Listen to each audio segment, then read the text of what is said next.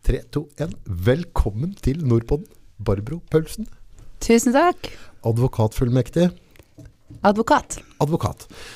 Du har uh, jobba sammen med gatejuristen, er det det? Blant annet. Ja. Uh, du, har, du har gjort. Altså, jeg har jo sett noe av det du har gjort. Jeg har hørt en podkast med deg.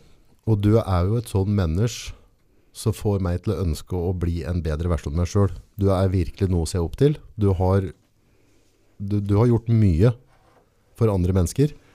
Og jobber knalltøft med deg sjøl på å være nepp på bakken og bety en forskjell. Og penger er ikke alt for deg, har jeg forstått. Det er sant. Det er sant. Det er ganske spesielt å få lov til å møte personer som altså, det, det, det handler om å ofre seg sjøl litt. Legge huet på stabben for hva han tror for. Absolutt. Ja. Og nå om dagen så har du virkelig eh, snakka ut litt rundt det, det vi, den tida vi er inne i nå. Og spesielt nå når det kommer til det koronapasset. Hva er problemet her nå? Um, bare for å gå rett på sak, koronapasset. Um, koronapasset er ikke et helsepass.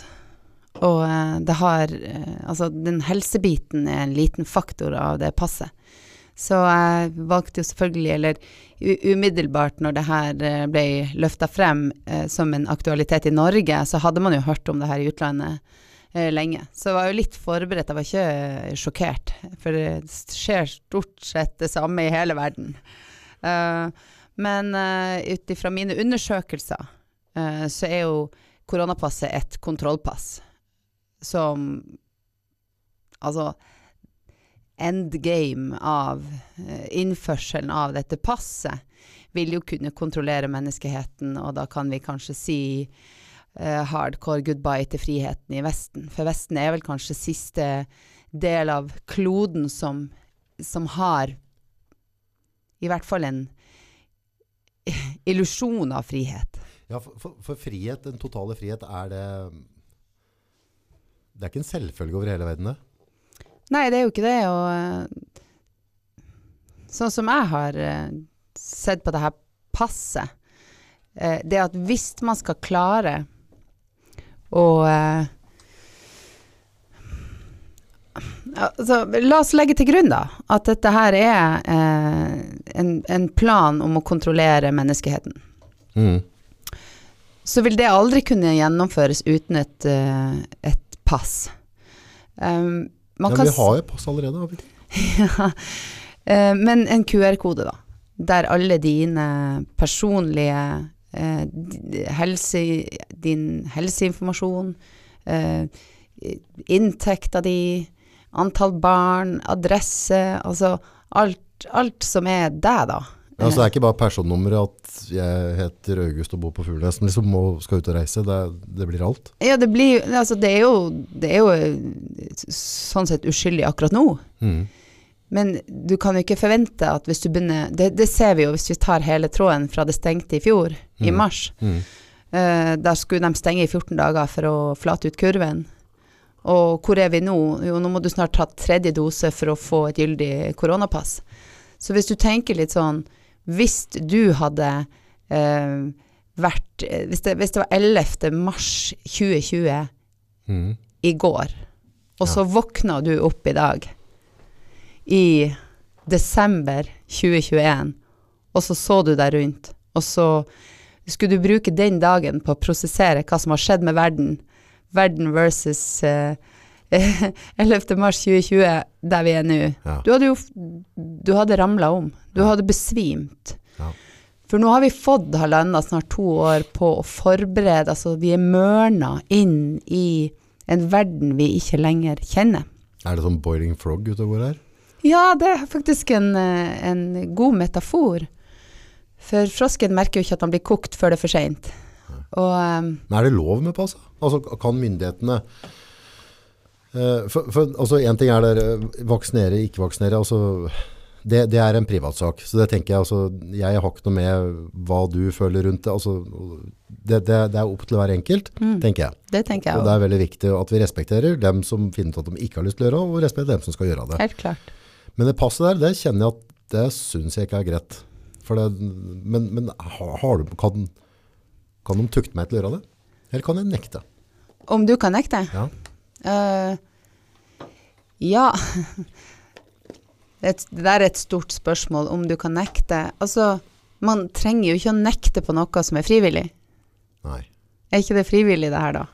Ja, men da får du ikke lov til å gå på butikken, du får ikke være med på kino, eller du får ikke lov til å reise. Så, det, jo, det er jo ikke så forbanna frivillighet her, da. Nei da, det er jo ikke det. Jeg sa det jo litt sarkastisk, men ehm, det, er jo, det er jo i Norge ennå ikke gjennomført en tvangslov som gjør at, uh, at du kan bli henta og tvangsvaksinert. Men um, nå for tida så har jeg i hvert fall et enormt trøkk av henvendelser fra særlig helsepersonell og sykepleiere og hjelpepleiere, som nå blir pressa til å enten ta vaksiner eller uh, miste jobben, bli omplassert. Jeg har piloter, flere, som snart må parkere flyene.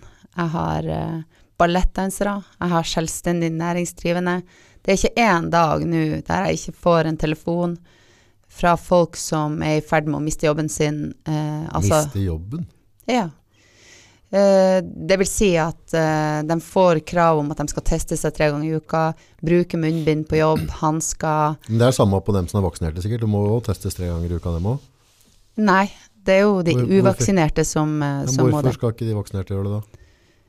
Ja, det kan du jo spørre om med tanke på det er jo lik smittespredning om, Ja. om det er vaksinert eller ikke vaksinert. Ja, men altså Hvordan skal man si det? Vi er kommet til et punkt nå der det koronagodstoget, eller den, den, eh, det røveriet, landeveisrøveriet av våre friheter, Ja. det toget der går jo helt løpsk nå. Det har jo ikke noe å si lenger om du kan eh, finne en lovhjemmel som sier at nei, det her er faktisk ikke lov. Blant annet det med personvern, da. Det å opplyse om egne helseopplysninger er jo strengt tatt verna både Grunnloven og helselovene og personvernloven. Men likevel så folk, blir folk spurt i alle mulige sammenhenger er du vaksinert.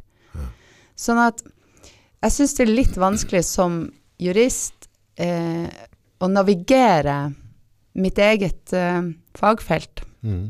Fordi før, om ikke verden var jo ikke rettferdig før korona heller, for all del, og det er alltid de som, som er enten fattige eller i de mer lave sosioøkonomiske klassene, da, med, hvis jeg skal tørre å si det så hardt, som blir ramma av eh, systemet.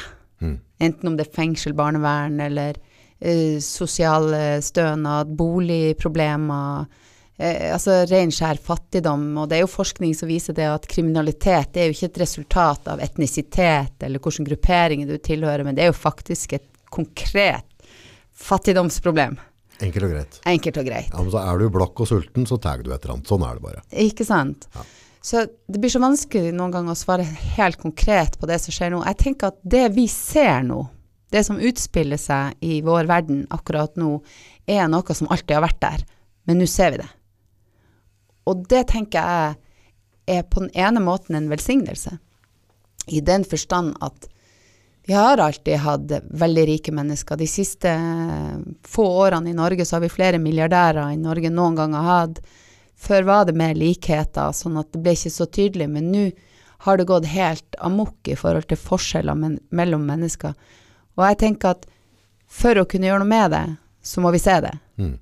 Så jeg var på et uh, juss eh, Mesh Oslo hadde på mandagen et foredrag der det var veldig mye både advokater og jurister. Tech, møte, juss. Disrupting the law. Et, eh, et eh, arrangement som var åpent for alle. Ja. Og jeg sitter der med faktisk Dag Thomas. Åh, fin fyr. ja, Er ikke han lett å bli glad i? jo. Og så kommer vi inn der, og så snakkes det litt om sir Francis Bacon, og litt om hvordan vi Det sier ikke meg så mye. Ja, altså det er jo de gamle altså for, Når jeg sier, sier det, det, det var for at jeg og Dag Thomas var faktisk på et foredrag om Shakespeare Oi! eh, uka før. og da var det også snakk om eh, ja, var sir Francis Bacon, som også var en stor eh, filosof på den tida, egentlig Shakespeare, og var de egentlig samme person? Og, Så det var store tenkere. ja, store tenkere, absolutt. Eh, og så drar vi, så, så ville han være med. Jeg skulle jo på det juss-eventen uansett. Mm. Så spurte han om å bli med. Og det første, han, første han som hadde presentasjonen da, før uh, de som skulle holde um, foredrag kom opp, så begynte han å nevne sir Francis Bacon, og da så bare jeg og Dag Thomas på hverandre og begynte å flire. Her også, forrige mandag, også her. Eh, og så sier han, rett før første foredragsholder skulle på scenen, så, så, så var da eh, tilnærminga hvordan skal eh, jussen og advokatvirksomhet tilpasse seg nye tider. Ja. For gammelmåten, sånn som man holder på, det går snart ikke lenger. Eh, og så sier han And all of you, I uh, also want to welcome you to the great awakening. og det var bare sånn Vi så på hverandre, jeg fikk gåsehud, og vi begynte å flire, så, så tenkte vi Ja, var det tilfeldighet at de brukte akkurat det ordet? Eller den setninga, da? Det var jo ikke det. For foredragsholder nummer to eh, kommer da opp og holder et hardcore eh, foredrag i naturrett. Hvordan frigjøre deg fra matrixen? Hvordan klippe lenken som gjør at ikke du lenger skal holdes som slave i systemet? Da ble vi òg sittende og se på hverandre, så tenkte vi ja, det dette, her er, dette er jurister som sitter og prater om. Ja, ja. Ja, så du, du har ikke tinnhatt og jorda er flat eller noe? Nei, det var veldig fin uh, dress code, og Ja, folk fra advokatfirmaer, og, og han begynte å prate og prate, og han tok den så langt ut at jeg tenkte, for det her er jo jeg kjent med. Ja. Jeg vet jo at Dag Thomas er kjent med det. Men det var jo noen i lokalet som vi merka absolutt ikke var kjent med det her. Ja, Og uh, to gikk jo ut i raseri ja. og forlot. Uh, men, men jeg måtte si det til eh, de som holdt eh, arrangementet, at så tøff dere er som tør å, å, å ta den såpass langt ut i kontroversene. Mm. Og det er ikke dermed sagt at det ikke er sant, men det er bare veldig skummelt og fremmed fordi at vi, særlig nordmenn, kanskje har vært så vant til å stole på systemet og staten, og det staten sier og staten gjør, er, det er bra. ja. Og det tror jeg har endra seg for veldig mange nordmenn. Og jeg er veldig opptatt, som du sier også, at det med vaks, vaks, om du er vaksinert eller ikke vaksinert, det er ikke det det går i. Det går i retten til å få lov å både snakke høyt og, og ta egne bestemmelser. Ja, for det, altså sånn som eh, ja, nå, Jeg har ikke dato nå, men eh, kanskje er det tre, tre måneder jeg har hatt. Tre-fire måneder har jeg hatt. Og så må jeg da ha en vaksine for at jeg skal kunne ha det passet mitt. da. For å, eh, og det må jo folk være klar over nå. at Greit, du kan være med på eneren og toeren og treeren og fireren, men ved et eller annet tidspunkt, hvis du sier at nei, nå, nå er det bra, hvis vi har gått med på det passet, så blir du sett på som uvaksinert, selv om du har tatt fem påfyll. Det har ikke noe å si. De kommer til å ta fra deg rettigheter da. Ja. For det er jo hele poenget med For de har jo, hvis jeg har forstått det rett nå, så det passet, det, er- det er ikke noe Det kommer ikke til å dra ned smitta. Det er ikke noe snakk om noe smittesporing. Det er, ikke det, det er ikke det som er problemet. Det er rett og slett et pressmiddel for at du ikke skal kunne ha et valg. Altså du, vi har et valg, men vi skal ikke ha et valg. Og da sitter jeg med spørsmålet da, nå om tre-fire måneder, når da eventuelt jeg må da ta en påfyll av antistoffer, om jeg ønsker å ta det eller ikke ta det. Og hvis jeg ikke tar det da, og vi er med på det passet der, så kan jeg bare skite i noen ferietur med familien sikkert. Og for alt jeg vet, så kanskje jeg ikke kommer inn på noen kafeter her òg. Altså, så så dette, det angår jo ikke bare dem som har valgt å ikke ta vaksine. Dette angår jo dem som går med antistoffer i kroppen og har tatt en vaksine òg. Det angår oss alle. Nettopp. Alle som en. Alle som en. Ja. Og det er jo det jeg syns er så frustrerende. Så derfor jeg står og holder appell. Nettopp fordi at det brenner i hjertet mitt. Fordi det som provoserer meg mest med myndighetene sin måte å legge frem det her på, det er det at én, de tar jo ikke med langtids eh, eh, Som du nevner her, med hvor mange doser skal du ha? Ja, De prater på fjerde nå i dag, tror jeg. Ja, det vet vi, men altså i forhold til eh, avkrysningen i det her EU-passet som ble publisert for lenge, lenge siden, så er det jo åtte kryss, da. Så det er jo åtte doser du skal ha. Og det som provoserer meg og, Det er jeg ikke klar over. Nei. Det tror Ikke ikke heller. de som tok dose én eller to var klar over, eller egentlig. Nei, men, og det er jo den der tilbakeholdet av informasjon fra myndighetenes side som, som gjør at ikke bare jeg, men nå flere og flere for hver eneste dag som går, begynner å undersøke hva er det her egentlig. For det er klart, eh, hvis du er nødt la, si, la oss legge til grunn at du skal ta åtte doser, da. Ja. Og så må du fornye den hver tredje måned, er jo det nye. Hver tredje, ok. Ja, Ja. hver tredje det måned. syns jeg blir for mye. Jeg personlig syns ikke det er greit. Ikke hver tredje måned. Det, det, nå må de gi seg. Ja, men jeg bare tenker, hvorfor er ikke den vurderinga fra f.eks. fagfolk som da eh, innenfor medisin kan si noe om at en biologisk kropp skal drive og motta mNRA-vaksine hver tredje måned, hva betyr det? Mm. Hvor skada blir en kropp hvis du er nødt til å injisere deg sjøl to ganger i året? Mm. Som en sånn, sånn påfyll, hva er det for noe? Det har jeg ikke fått. Det blir fire, da. Hvis det var tre av måneden, så Tre, seks, ni, tolv. Ja, i ja, hvert fall tre. Ja, tre, ja, Ja. Eh, og det Jeg synes det er ondskapsfullt, rett og slett, å ikke eh, legge frem For vi vet jo at det er mye bivirkninger. Det snakkes ikke mye om eh, på TV-en. Jeg sier bare på TV-en, for det på TV-en er alle de det, kom, det er det samme. Om du ser BBC, om du ser NRK eller TV 2. Det, det er akkurat det samme, bare litt forskjellige vinkler. Men der jeg har litt problem, Barbara, er, er at uh, hvis vi, um, vi skal snakke på bivirkninger, da, så føler jeg at det går ikke an å røre det temaet på noe som helst måte uten at du er sånn konspi, ditt og datt, du er sjuk i huet, du er ikke med på dugnaden. Men, men Jeg trodde dugnad var frivillig. Ja, det trodde jeg òg. men, eh, men eh, det jeg jo håper i hvert fall, da For det, for det jeg opplever nå, at det skiller folket litt. Og det er fryktelig mye frykt. Uh, samme gjelder meg. Nå så, ja, hvis jeg først er det ditt, og så er det delta, og så kommer det en ny en nå. De, altså, de booster jo på hele tida med noe å være redd for. Jeg har ikke lyst til å gå rundt og være redd. Ikke, altså, det som skjer, det kommer til å skje noe uansett. Tydeligvis, sånn ut ifra det jeg har sett, da, så, så har de ikke funnet på noe revolusjonært å stoppe det der. Så mest sannsynlig Men det er nesten blitt sånn religiøst. Så det blitt sånn her, skal vi tilbake igjen at jeg skal få lov til å hate deg hvis du velger å være buddhist og jeg er kristen? Er, det, er, det dit, er det dit staten vil ha oss nå? Altså skal vi, skal være, skal vi dytte folk så langt nå at, at vi rett og slett skal mislike naboen? Altså, er det, er det ingen som har lest noen historiebøker?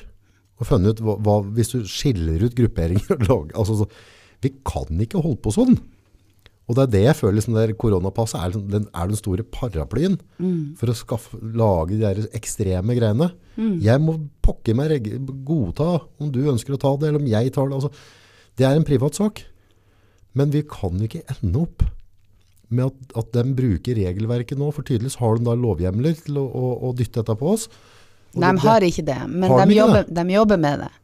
Uh, det siste uh, meldinga jeg har fått Jeg er i en, e-posttråd e-posttråd med, som jeg sa tidligere, med en ti-tolv advokater som virkelig har gått grundig inn i materien. Så den informasjonen jeg får nå, med tanke på at det er ganske det er, ganske mye, det er ganske mye å ta inn over seg når man, eh, når man sitter og jobber som vanlig advokat og prøver å, å holde å si, levere så man skal overleve Ja. eh, som firma. Men det å, å få denne informasjonen nå, nå får jeg tilsendt så mye bra. For det her er advokater som virkelig har lyst til å gjøre noe for menneskeheten. Ja, altså, de brenner for frihet, er det det? De brenner for frihet, men også for som, sånn som meg. Man brenner for grunnloven, man brenner for de rettighetene som vi har som skiller oss fra f.eks. Kina. Og det, det er derfor jeg vil Jeg kan dra frem med eh, broren min sin kjæreste som er fra Kina. Ja. Eh, vi diskuterer jo ting, men, men i enkelte Det her kommer ikke fra henne, da, men eh, i enkelte steder i Kina så har du ansiktsgjenkjenningssmartbyer, ikke sant. Så du, Jeg har vært i dem. Ja, du har vært i dem, ja. Hver 300 meter blir tatt bilde av. Det blitser opp. Ja, ikke sant? Du kjenner at de tar bilde av deg på flyplassen, skanner ansiktet ditt. Ja. Eh, og da er det sånn, går du på rødt lys over fotgjengerfelt, så får de social score-trekk. Nettopp, og da er vi jo inne på passet. Da koster trikken mer for dem. Ja. Det, det, tar dy, det går dyrere for dem som har dårlig social score, så de får ikke ferietur og sånne ting. Eller ungene deres får ikke lov å utdanne seg.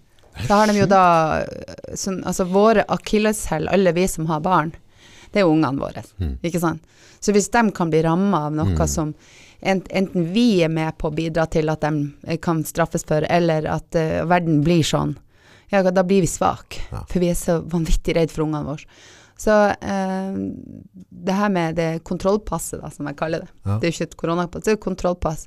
Og hvis Altså, det er jo allerede etablert i, eh, for mange millioner mennesker i denne verden. Hvorfor er det så utrolig far-fetch etter det vi har sett med den innskrenkinga og uthulinga av rettighetene våre nå i snart to år? Jeg klarer ikke å forstå at det er så surrealistisk og illusorisk at vi også kan ende opp dit. Hvorfor skal du sier det jo sjøl, hvorfor skal vi ha et pass som ikke er eh, som ikke handler om eh, smitteredusering eller, Nei, for det blir ikke sånn, du, du, får, det blir jo ikke kvitt smitta.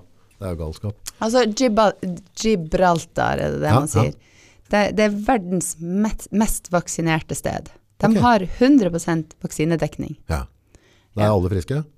Nå stenger de ned uh, igjen. Eh, Hele jula blir ødelagt for, for dem fordi at det er full uh, Hva er vitsen med å vaksinere da, hvis du må stenge likevel? Ja, men det, det Det visste vi jo eh, eh, fra Det er 15 rapporter som er fra, fra Israel. Mm.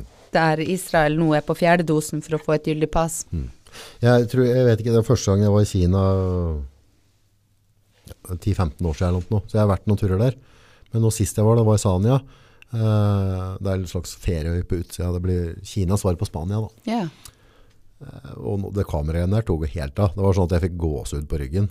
Altså, det var bokstavelig Og så sitter taxi, og poff, poff. Det er sånne der LED-lys som blunker langs med veien. Så jeg bare hva, hva, spurte tenker, hva skjer, liksom? Nei, de sjekka. Herregud. Så, Det var hver 300 meter, og det var på en taxitur, så det tok, var jo ikke lang tur, kanskje 35-40 minutter. Hver 300 meter så poffa det sånn LED-lampe som lyste opp hele bilen, og så ble det registrert. Ja. Hvert eneste gatekryss i den byen, det var kameraer overalt. Så jeg tenkte bare, og, og dette har skjedd bare på noen få år. Jeg tenkte, hvordan datamaskin er det de trenger for å styre dette her? Hvordan prosessor er dette her? ja. Som er flinke da, som klarer å lage noe så frakt, men lalla gutt. Ja, det og det her, og det er ikke for å no disrespect, altså, men det her sitter altså så mange og hyller og klapper frem, at jeg blir helt uh, jeg, må, jeg må få lov å nevne den der uh, ordføreren som vi har i, i Tromsø, Gunnar Wilhelmsen, Ja. som jeg kjenner i hvert fall personlig nok til at jeg vokste opp med både ungene hans og sto og krangla med han på TIL-huset i 1989 for at eh, han, han i spissen, uh, Troms idrettslag, kasta ut håndballen av klubben. Oh ja, ja. Og um, det var en stor skuffelse. Vi hadde jo jobba gratis for uh, klubben i masse år og elska den.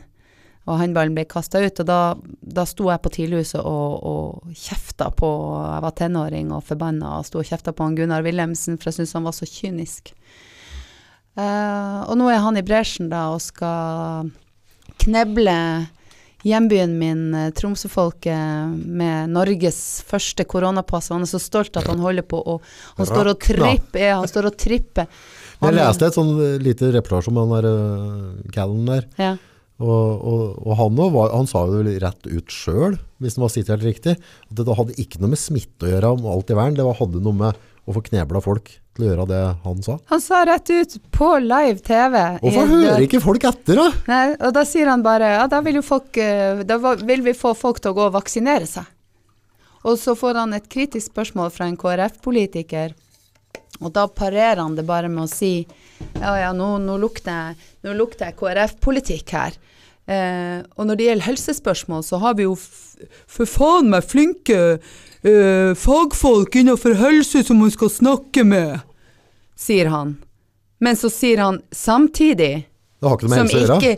Nei, men så sier han sjøl, så tillater han seg da sjøl å si eh, vi, vi innfører det passet fordi da vil folk gå og vaksinere seg.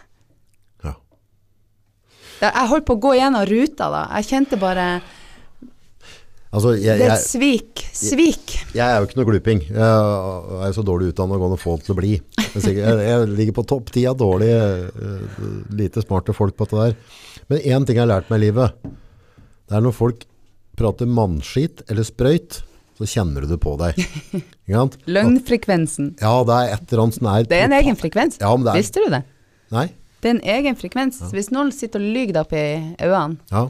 Du føler at det er Du noe kjenner det? Ja. Og det er for at det er en egen frekvens. Og hvis noen snakker sant, som rører deg, feller en tåre, du får gåsehud, du blir berørt, du blir glad, Ja. du kjenner at det her mennesket liker å være lamme, det er den, den sannhetsfrekvensen, for den er så god for oss mennesker. Ja, men hva skjer med psykologien? For, for vi alle har hørt om hun som var sammen med han der eh, som drev og svolka, ga kjerringa juling på det jevne. Og sier, hvorfor er jeg sammen henne? Hvorfor flytter jeg ikke fra?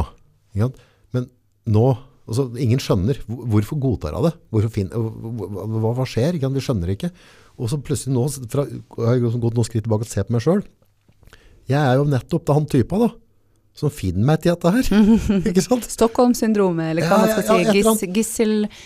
Eh, nei, det, jeg tenker at menneskeheten generelt sett er angrep. Altså vår amygdala eh, det, er fry, Amyg- ja, altså, det er fryktsenteret i hjernen. Ja, Eh, vår amygdala er under angrep. Før var det bomber og krutt og ikke sant? Ja. Eh, Folk måtte springe i bomberommene for å gjemme seg. mm, Målet deres nå er the human brain, mm. vårt fryktsenter. Så lenge de har destabilisert oss i frykt, så klarer vi ikke å gjøre noe. Ja, for det er noe vi ikke kan distere. Altså, frykt har vi hatt en periode nå. Det er fryktelig mye folk som har vært nervøse. Ungene våre så har vært frasnøtt i skoletider og har ikke fått uh, Idrett. idrett og, og, og. Den angsten, det sitter fryktelig, fryktelig mange foreldre som har barn med skolevegring nå, som ikke hadde det før, som har fått det nå. Ikke sant? Det, det, det er en ny greie. Altså, klart det er alltid noen som har skolevegring, men, men ikke de høyder vi har. Så dette, dette her er ikke sunt. Nå må vi slutte. Vi kan, altså uansett da, altså, hvis jeg og unga mine hadde vært på en båt, og vi synk, jeg, hadde, jeg, jeg, jeg, jeg har sånn krons, så jeg holdt på å stryke meg her, eller, altså, blødde fryktelig mye, og så gikk jeg i gulvet, for jeg mista for mye blod. Uh, og så var heldigvis unga var hjemme da, og så lå jeg på gulvet, og så var jeg litt inn og ut av bevissthet, og så skjønte jeg at det her går ikke veien. Så fikk jeg en velstejente, så ringte hun ambulanse og sånn. Så har vi tatt hjelp med å få bena opp i en stol, når jeg våkna opp litt, så må jeg få litt blod ned der. Mm. Og så vet du tanken som slo meg da? Hvis jeg stryker nå, for jeg visste ikke hva som skjedde, jeg bare skjønte at det rant blod meg fra tarmen, og så om dette går litt høna sparker nå, så skal ikke jentene mine være redde. Så jeg tok livet helt med ro, og så bare konsentrerte meg om å prate rolig med dem, og forklare hva som skjedde. Samme når jeg drev duppa inn og ut, og det kom ambulansefolk, så jeg tar roe deg litt ned, det er to småjenter her. Mm. Ta, det er greit at jeg skal koble på noen slanger her nå, men ta livet litt med ro, prate litt med jentene nå. Ja. For jeg vil ikke traumatisere dem på det, og da kan jeg ikke jeg som pappa fly rundt som en huggeløs høne nå, og, og skrike, virus, virus. Mm. For det er jo ikke så... Jeg sjekket i 2020, så var det 10 000 mennesker, dessverre. Dritkjett. Kompisen gikk bort nå, han gikk bort av kreft. Siste to årene nå, så er det vel 1000 som har gått i den pandemien vår. Mm. Og mest sannsynlig er det litt over 20 000 som har gått i kreft. Ja. Kan vi sette dette litt i perspektiv, folkens? Mm -hmm. Nei, det Det er ikke grunnlag for et pass. Nei, men det, det, det vet vi, og nå heldigvis er det, det er, Altså, de siste tallene fra TV 2 for at det kan være hvis man, skal, hvis man skal legge til grunn at det er sant, da. Fjernsyn 2. Ja, Ja. jeg vet jo ikke. Men uh, bare i Oslo universitetssykehus er det 135 leger og sykepleiere som har sagt det opp. Det står selvfølgelig ingenting om hvorfor de har sagt det opp. De har sagt det opp. Ja. Men jeg sier jo det. Jeg, jeg, jeg, jeg sitter jo på mitt lille kjøkkenkontor i Oslo og jobber som advokat. Ja, så Ja. du har jo vært borti noen av dem. De ringer hver dag nå. Alle disse yrkesgruppene ringer hver eneste dag nå, fordi at det er så mange, hva det var anslått 600 000 voksne nordmenn som ikke er vaksinert, f.eks. Ja, men det, det, altså, det kan da ikke være 90 voksne. Nei, nei, det er det, det, det jeg mener, at Ja. det er jo ikke det. Nei. Men bare, bare meg, alene, som en enkeltperson, som får 18 sykepleiere på tråden, Ja. eh, piloter, leger, ikke sant, som, og det er så rørende å høre på dem også, fordi at de er så tøffe. Mm. Det er ikke sånn, å, nå skal, de har tatt et standpunkt, så jeg, jeg tenker at det er det det handler om nå. Det vi skal lære nå, det er jo å lære oss å stå i den krafta vi har, for vi har ei, vi har ei, altså, Vi er mennesker. ja, men det som jeg tenker at, at er lureriet her, i all den der utdanninga, den mastersyken, alle skal ha høy utdanning, alle skal Ah, bli noe, ikke sant? Så det er glemmer vi jo hvem vi er. Hvor kom vi fra? Hvem er vi? Og eh, det var en som sa det så fint som at eh, for å gå videre nå til, til en ny tankegang og, og til det varme mennesket, eller til det varme samfunnet igjen, så you have to unlearn everything you learn. The more you have learned, the harder to unlearn. Mm.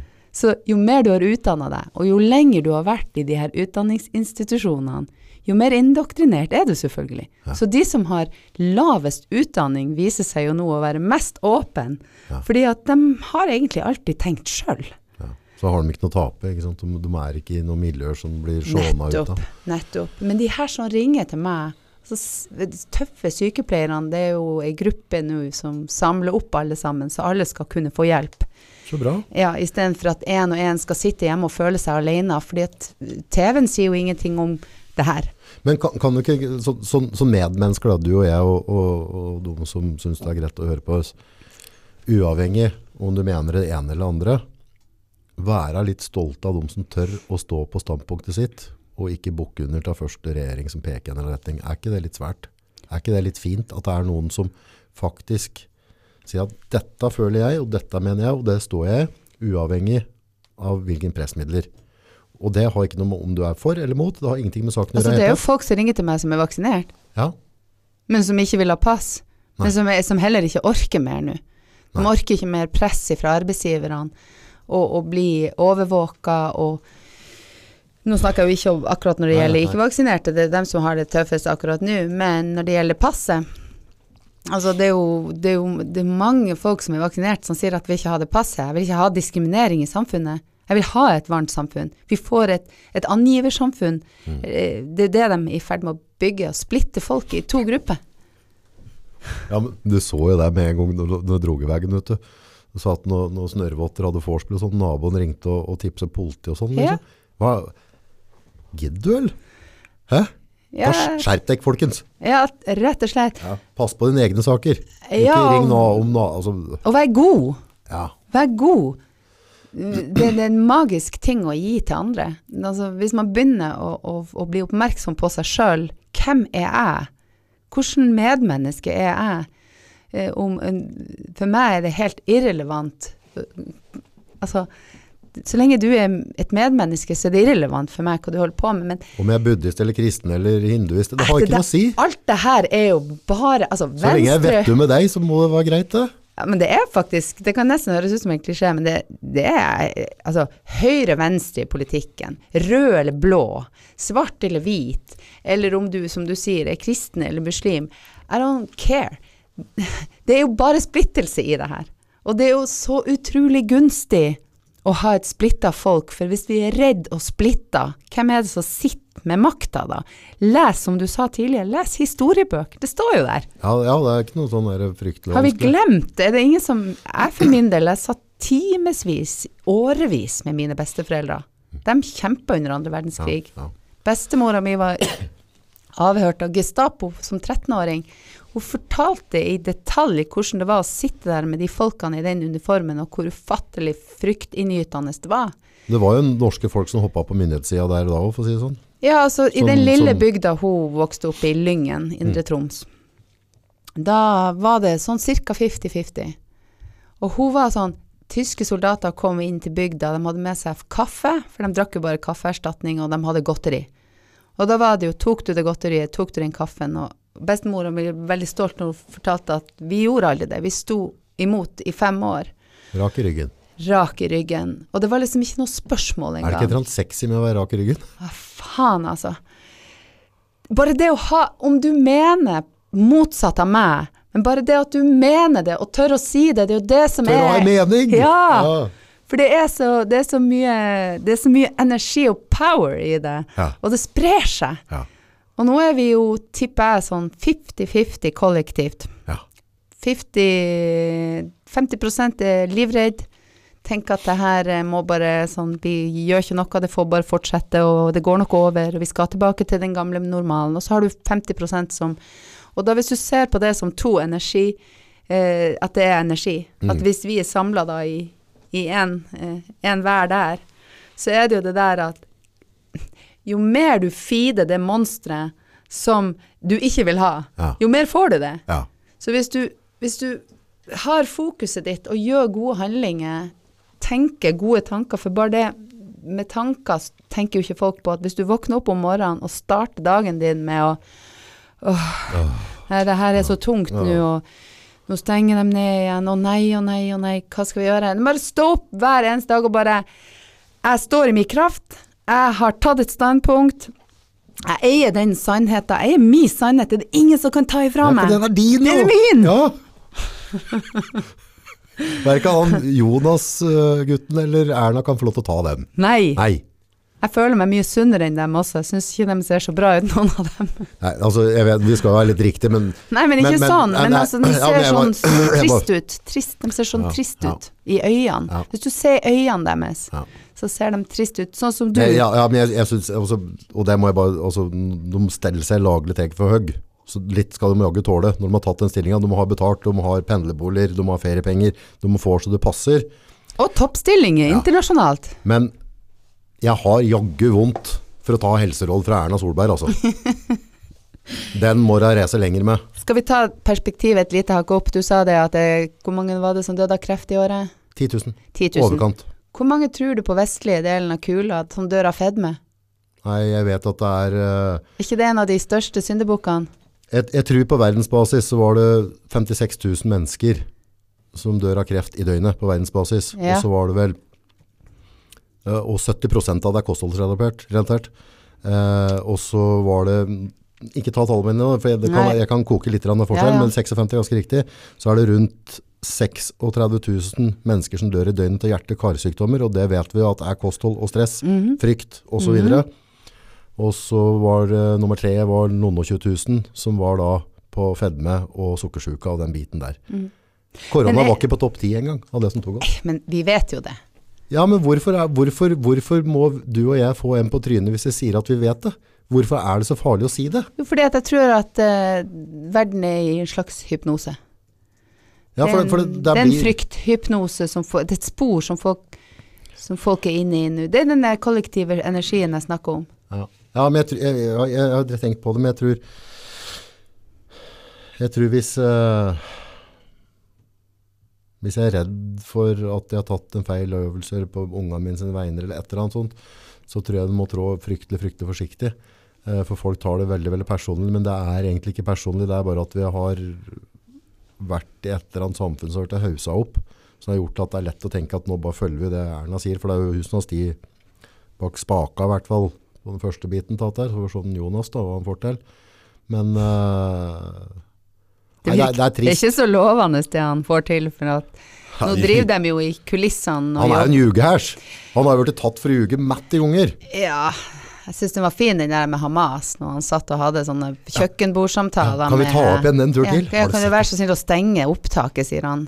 Hva er det det heter der på YouTube? Det bør folk gå inn og se, for det var helt krise. Ja, det var jo bare Jonas Gahr Støre i samtale med eh, intervjuer om Hamas. Ja, for da gjør vi noe flat out. Han lyver rett ut, og det er helt utrolig. Men du, altså, ta nå bare Ta nå, eh, ta nå de her eh, jævla de stortingsboligene som de driver og høsler Hva på er nå. dette der er for noe? Ja, men hva skjedde med de som ble dømt i Nav-skandalen, da? Er. Enkeltmennesker. Ja, de ble satt inn. Hva skjer med de her folkene på Stortinget som driver og, og er sikker på. spekulerer på å tjene penger på sin egen bolig fordi at de får tjenesteleiligheter? Hva skjer med dem? Jeg tror hun frøken Freidi, hun der snuppeluppa som satt på, på, som president der, hun har jaggu skrevet reiseregninger til Ski, òg, tror jeg, fra pendlerboligen. Ja, ja, ja Jeg så et eller annet i avisen. Ja. De har jo fader ikke magamål. Skjerp dere, folkens. Ja. Nå er Og hvis bra. ikke, hvis ikke resten av det norske folket nå, øh, korona eller ikke, skit i det, Ja, det vaksine eller ikke, Ja. skit i det.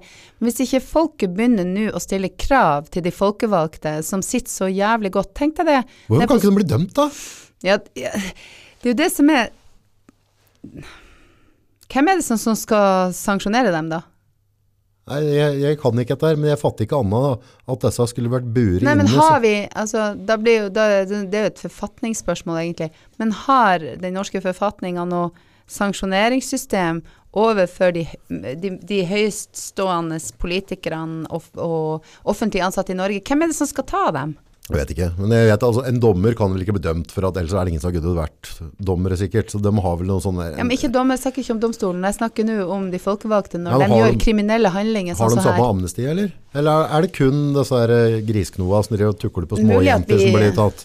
Ja, De sant? blir dømt da, men Altså, Og det er riktig òg, kanskje- det skal de jaggu bli òg, hvis de ikke klarer å oppføre seg som vanlige folk. Det, det der er et veldig interessant spørsmål. Det skal jeg tenke litt på. Hvem er det som sanksjonerer sjefene i landet? Ja, for hun der eh, tjuvredden som har sittet eh, på Stortinget her nå, hun bør sitte inne på brød og vatten. Ja. For ellers så gir det ikke signaler til resten av folka, for tydeligvis er det anarkisme der. Og- Burde det ikke være sånn blant alle som har utnytta systemet? For de sier jo bare ja, men jeg har tolka reglene feil. Ja, prøv å si det i retten da, hvis Ja. du har gjort noe dumt. Prøv, å, prøv å, å få 1000 kroner for mye i måneden Mm. som Nav-bruker, Mm. og så sitter du og sier det i domstolen. Jeg tolka reglene feil. Ja, det spiller ingen rolle. Bong. Smack. Ferdig. Likhet for loven, det er jo grunnlovsprinsippet. Vi kan prøve folkens neste gang for parkeringsbot. Jeg tolka skiltet feil. In your ass, sier de da.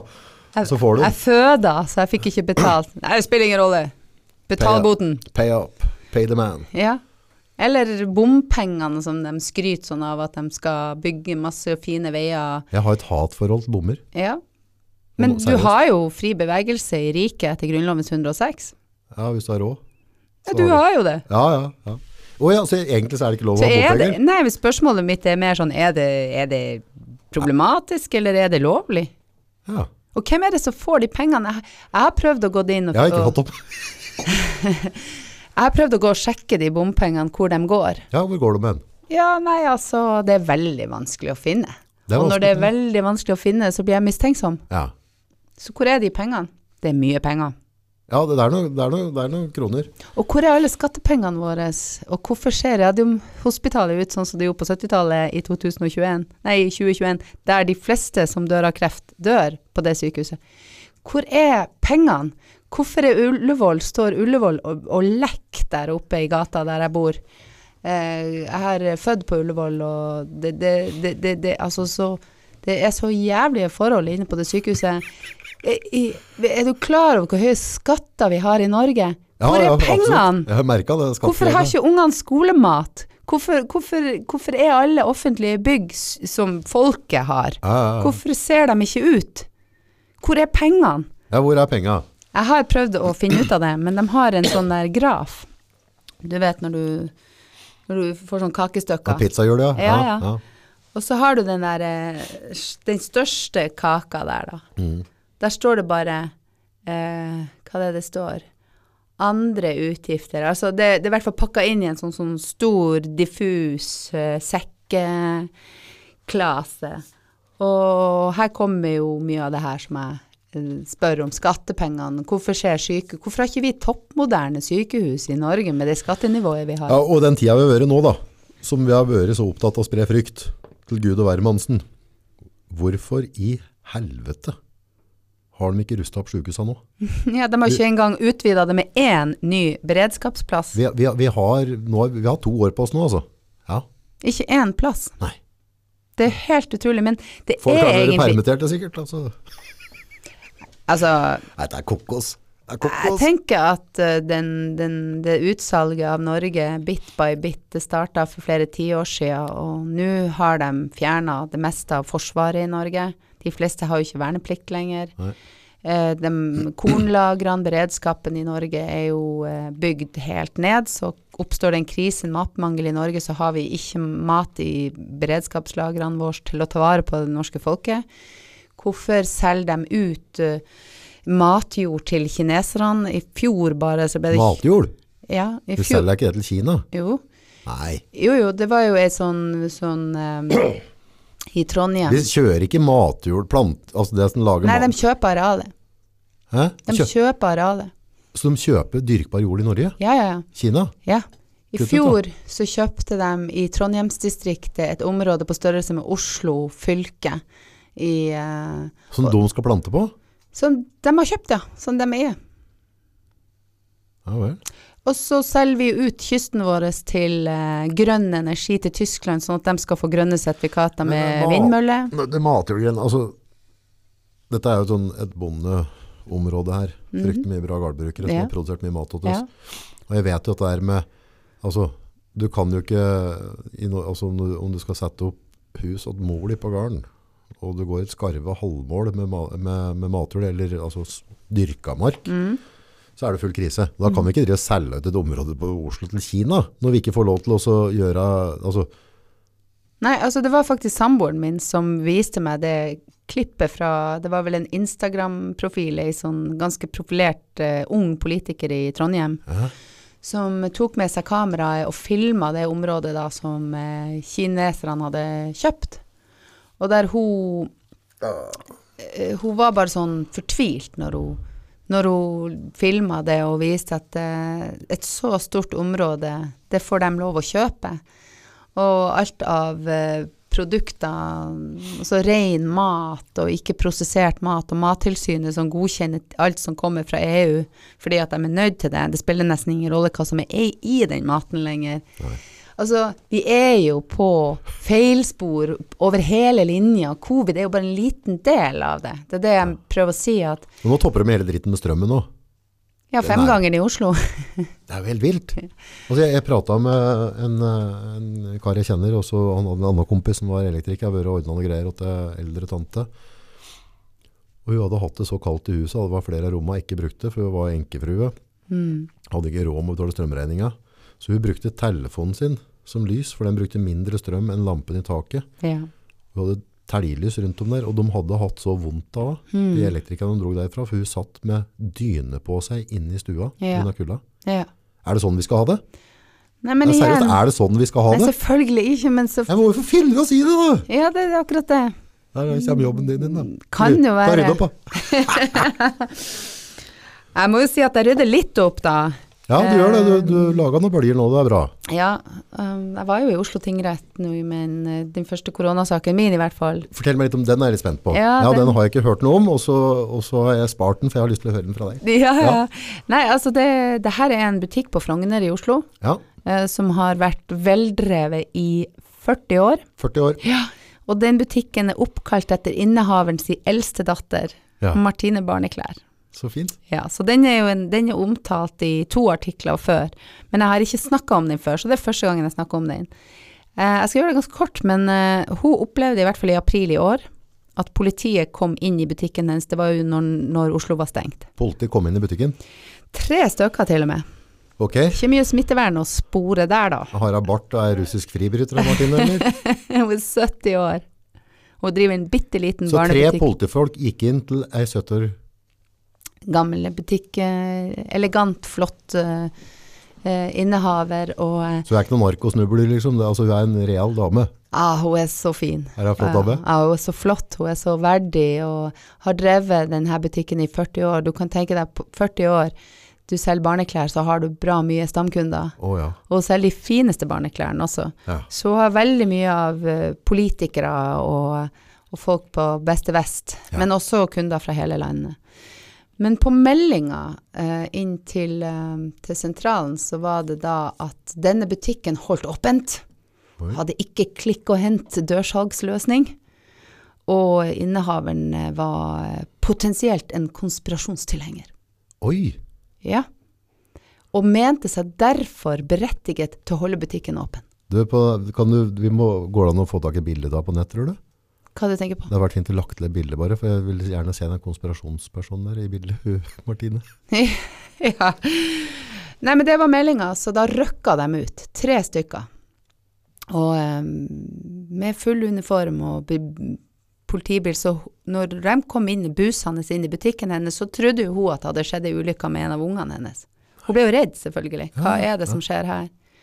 Og i butikken så var det masse vare Altså hun hadde fått eh, I og med at det var, hadde vært full stopp, så kom veldig mye varer på en gang. Ja. Så det var mye sånn pappesker som sto rundt omkring i butikken. Ja. Det var jo også nevnt da, eh, i dommen. Men det var jo et, et solid, klart tegn på at butikken ikke var åpen. For hvis butikken er åpen, så står det jo ikke pappesker rundt med varer i, strødd rundt i, i de to avdelingene. At du har orden i sysansikken din når du åpner butikken. Hvis jeg har drevet der i 40 år, så er det vel ikke mye rot der. Ja, altså hun har kjøpt sin egen innredning. Det er en veldig vakker butikk. ja.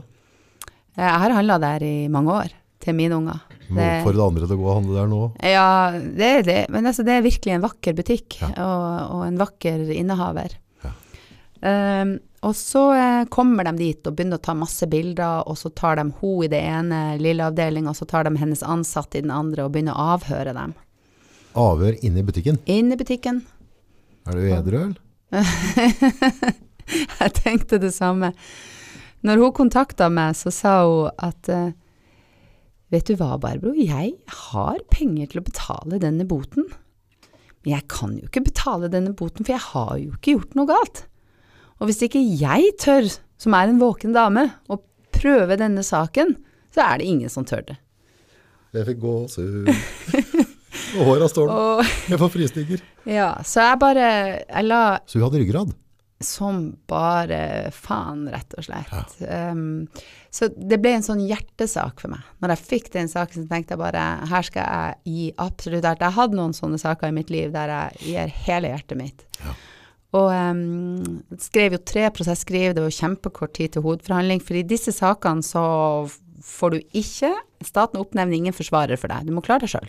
Så du har ikke krav på Ikke i sånne saker. Hun fikk 50 000 i bot, og så måtte hun tåle en inndragning på 2500 for et varekjøp. Da skulle staten ha pengene som hun hadde solgt varer for, inn i statskassa.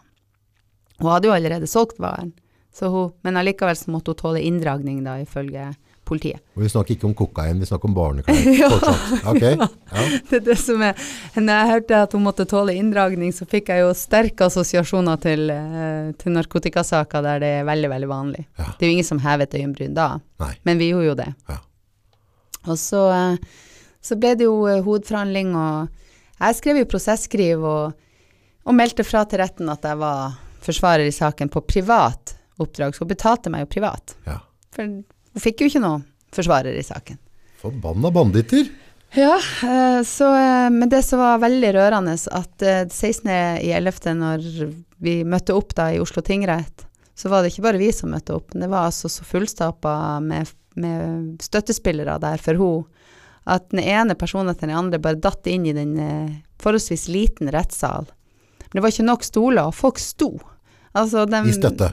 I støtte var publikum gjennom hele hovedforhandlinga. Og eh, Måtte dommeren føle seg rimelig kleint. han sa oi, oi flere ganger. Um, men eh, vi førte altså tre vitner, Ja. og så hadde vi partsforklaring fra innehaveren sjøl. Og eh, det var veldig sterke eh, forklaringer fra alle. Mm. Og eh, når vi var ferdig med bevisførselen, så sier dommeren til aktor, da, politiadvokaten, at eh, ja, nå har vi jo nå har vi jo avslutta bevisførselen. Um, har aktor noen uh, merknader, noen uh, kommentarer? Ja. Litt sånn Ja. Her er det veldig dårlig bevis, kanskje frafall i siktelsen, tralala. Men det Så vi tar en ti minutts pause. Han sa jo ikke det, da. Nei. Det skal han jo ikke si heller. Nei. Og så, eh, etter ti minutter og, vi, eh, og retten er på han igjen, så sier aktor at han vil endre påstand etter straffeprosesslovens Så usexy. Så istedenfor å frafalle en sak uten bevis, så endra han påstanden, som eh, spente litt bein for min prosedyre og, og, og måten vi hadde laga strategi for saken. Så jeg måtte jo egentlig slippe manuset mitt og bare prosedere litt fritt, da. Det gikk veldig bra, fordi denne saken var så åpenbar, og det var så absurd at hun skulle dras gjennom rettssystemet for å prøve å, å berge sin egen butikk. Og vet du hva politiet sa til henne når hun sa Men hva med alle frisørene og neglesalongene rundt her er jo åpne. Og Power har jo åpent borti gata, og jeg har jo vært der, og da står man i trang kø, og man får lov å gå inn i butikken og betale, og inn på lager og hente varen. Hvorfor får Power holde på sånn da? Nei, det er fordi at det er et stort konsern. Hun sa ikke det. Jo, politiet sa det til hun. Hun sa det i retten. Det Nå får du ikke skamme dere, folkens. Ja, det er virkelig Det er så uverdig at Det er 70 år gammel dame som har drevet en butikk i 40 år. Ikke annet enn et godt menneske, nok menneske til at du var villig til å gå gjennom ild og vann for henne.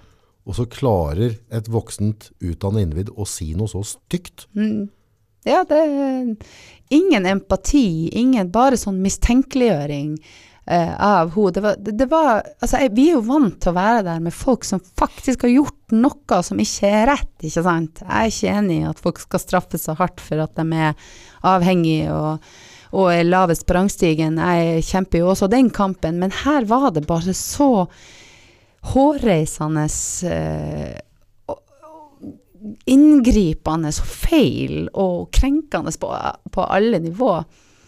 Uh, så når dommen kom da, tenkte jeg det, at jeg jubla så Jeg satt med familien min og åpna og får brev, eh, eller får melding på, på SMS, sånn som vi gjør da, at jeg måtte inn i aktørportalen for å komme til en, en dom. Og familien, ungene mine, står og snakker til meg alt sånn, og jeg er sånn febril skal stå og skal logge meg inn med bank-ID og bare Og så står det jo full frifinnelse, da. Å, takk og lov. Og jeg, liksom, jeg brølte og bare tok telefonen min og sprang ut i stua og ringte. Hei, hei! og hun bare Nei, sier du det? er fantastisk! Det er jo så fantastisk. Så sier jeg egentlig er det jo ikke fantastisk. Det er bare Du skulle ikke, du skulle ikke vært der engang, men når det, nå, når det nå står sånn stilt her Ja. til lands, så, så, så vi, skal, vi skal faktisk feire den i neste uke, da. Hva heter butikken igjen? Martine Barneklær. Og lå på Frogner i Oslo. Frogner. Oslo. Bygdøyallé? Ja. Neste gang jeg er i Oslo, så skal jeg innom og kjøpe en bukett roser, og så skal jeg levere det. Dette er ikke greit at mine medmennesker gidder å gjøre noe sånn. Og det oppfordrer andre til å gjøre. Altså, her snakker du om altså, nå, nå, ja. Når noen andre oppfører seg dårlig, så får vi andre prøve å For hun, dette fortjente jeg ikke. Nei, men hun er sannelig ei sånn rakrygga dame at det her var hun villig til å gjøre, ikke for seg sjøl, for som hun sa, hun det er de genene Norge er bygd på. Ja, Ja! og det er det vi må ta tilbake. Vi skal ha landet vårt tilbake, medmenneskelighet av varmen, styrken vår. Ja. Det vi er stolt av. Identiteten vår. Det her woke-opplegget. Woke, woke, woke. Våkne opp. Ja, men det der eh, Det der Ja, eh, overvåke. Ja, ja. Nei, jeg tenker woke mer som not awake. Men woke er jo en egen bevegelse som er så politisk korrekt at du vil spy. Har du Å, sett sånn, ja. den siste SAS-reklamen? Nei, jeg har ikke TV. Jeg slutta for fem Nei, jeg har siden, heller jeg, sett den, jeg fikk den tilsendt. Ja. Jeg klarte bare å se eh, 15 sekunder av den før jeg måtte skru den av, for jeg kjente at det dirra. Det dirra raseri, og jeg gidder ikke være forbanna, for jeg skal bare Ja, ja, vet, du hva de, vet du hva åpner med å si? Nei. Hva er det som kjennetegner skandinaverne? Ikke sant? SAS er jo et skandinavisk Ja, stolthets... Ja. Hva er det som kjennetegner en skandinaver? Og så kommer det masse sånn forskjellige skandinavere som de zoomer inn på. Og så er det litt sånn dramatisk og fint. Ingenting. Alt har vi stjålet ifra Tyrkia, ifra Sa de det? Ja. Eh, eh, Rugbrød i Danmark er ikke dansk. Det er ikke dansk. Det er Men ikke si ikke det. Ja, Sjekk den ut. Slutt opp, da. Og har du sett uh, den siste? Det kaller vi for woke. Not awake, but woke. Ja. Og så er det jo veldig det her med kjønns... Uh, det her med å være politisk korrekt og Ja, ja, det, ja, det, ja, mest, jeg vet jeg søren om denne her flyr på Facebook. Mest sannsynlig Spotify er litt mer edruelig, men det er ikke sikkert at de tillater at vi prater som vi prater engang. Dessverre. Nei, men, ta men posten, posten sin uh, julereklame, har du sett den? Nei. Bring. Nei. Nei, altså da er det en godt voksen herremann på 60 pluss. Flott mann. Som da står og ser Jeg klarte heller ikke å se den helt, for det blir, det blir for um, woke for meg. Ja, du tar av. Eh, og så kommer julenissen, da. Julenissen er på samme alder. De er ganske kjekke begge to. Men den ender altså med at de to voksne mannene, julenissen og han 60-åringen, står og kliner. Nei! Jo, jo. jeg, jeg sa det bare på faen, jeg nå. Det er sant. Det er sant. Ja. Og det er hovedreklamen til Posten Norge. Ja, altså, jeg, jeg skiter i hvem, om det er gutter eller jenter, altså hvem som kliner. Jeg synes det er bare ubehagelig å se, liksom, for det er, en pri- det er en privatsak. Det er noe du og gubben kan drive med. Du trenger ikke å gni det opp i trynet på meg eller ungene mine. Nei, nei, men det er jo akkurat det som er. Det, er det er jo det som er hele poenget, at det er jo der misforståelsen ligger. Jeg er jo akkurat likedan som deg, full toleranse for alle. Har du ikke noe problem med det, vi? Men unger har ingenting med det å gjøre. La nå ting være litt uskyldig. La oss nå ikke trenge masse voksendrit ned i ørene på dem eller i øynene på dem. La dem få være barn den korte, korte tida de har det. Ja, for den What the F is going on? Ja. Og skolebøkene til unger nå. Jeg har jo dissekert den også. Det er jo Det er jo det, det, det, det, det, det, det Jeg har nesten ikke ord, men jeg har faktisk sendt bildene, de verste bildene i den saltoboka til min sønn på seks år, til eh, en illustratør. Ja. Jeg hadde lyst til å få sånn faglig tilbakemelding. Hva er det her for noe? ja. Og det, det hun sa til meg etter hun hadde sett Det var fire bilder jeg sendte. Kunne ha sendt veldig mange flere. Hun sa dette er eh, Dette er nesten litt sånn Det er nesten så absurd at jeg vet ikke helt hva jeg skal si. Det er veldig seksualiserte bilder. Ok. Og også i, i de her eh, smattisene sine bøker nå, nyutgaver fra 2020. Så det er mye woke ute og går. Jeg er fryktelig heldig, for da, vi bor jo på bygda, vet du. Altså, veldig trivelig skole rundt oss. Så, men eh, men sånn, alle skal stemme i boksen og ditt og datt og styre oss selv. Men jeg vet sånn, yngste jenta mi, hun gleder seg til å gå på skolen hver dag. Det er det viktigste for meg. Ja. Ja, så lenge hun, og så de er på SFO, de er fantastisk flinke. Ja. Men de virker som de har, har rom for at vi er ernstløs, og vi alle Ja. er forskjellige. ja. Og, og veslejenta mi skal få lov til veslejenta mi. Mm. Nå tar hun for den hun er. Og det merker jeg jo, for ellers hadde ikke hun trives på skolen. Nei. Men det er takket være at, eh, at dem som jobber der, er vettuge folk. Men det er vel en grunn til at eh, sjefsmegleren i Privatmegleren sier til oss, vi har jo solgt, eh, vi har jo solgt vår leilighet i Oslo nå, Ja.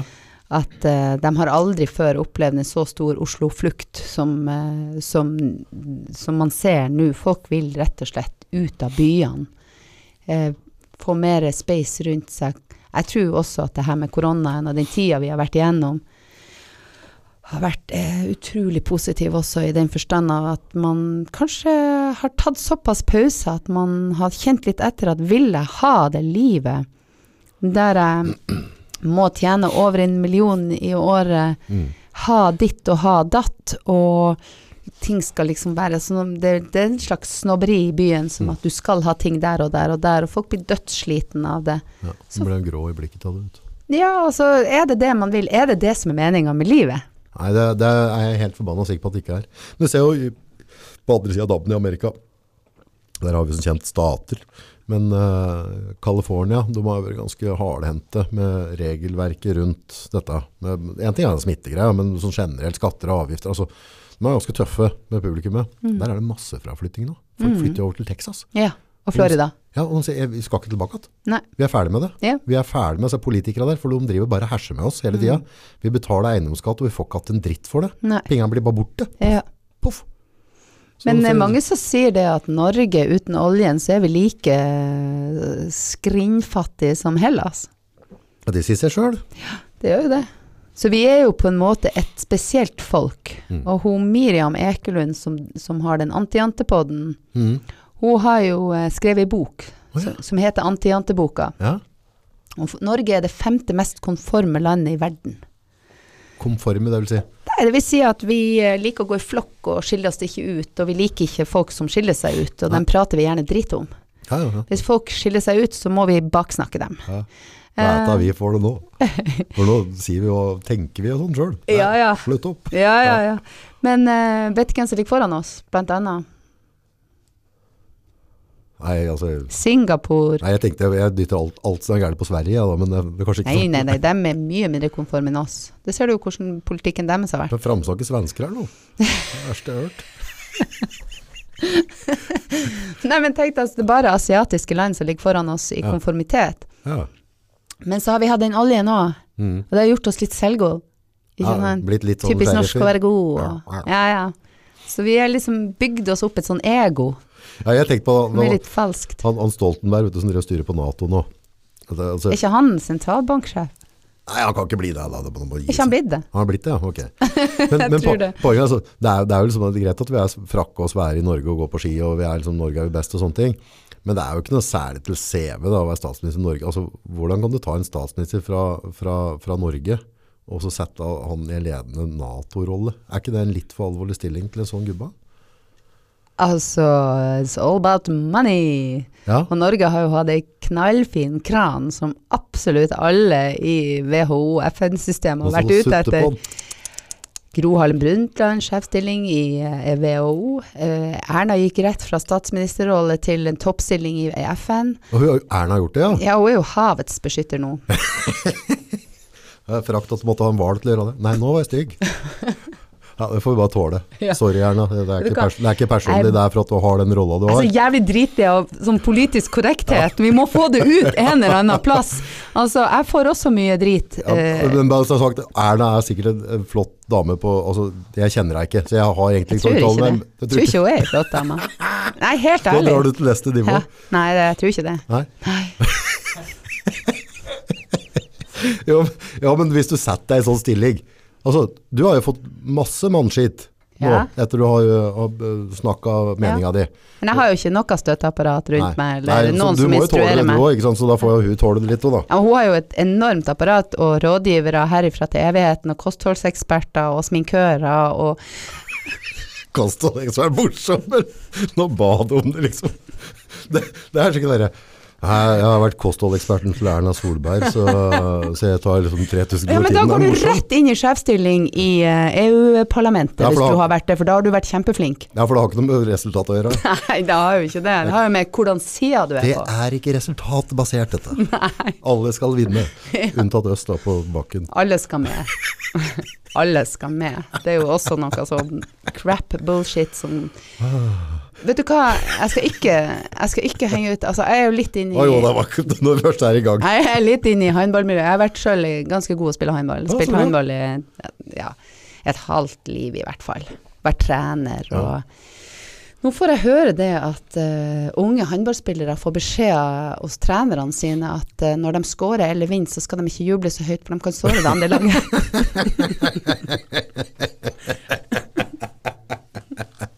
det Nei. Det er sant. Det går ikke an å si Det noe sånt. sant. Det er ikke tull engang. Så nå må de dempes. Åssen vær er det vi lever i? Nei, så jeg bruker noen ganger bare for å trøste meg sjøl, så synger jeg i, bakven, i bakvendtene. Der øst er vest, og fem og to er ni. Eller Stranger Things-serien på Netflix, den der eh, World Upside Down.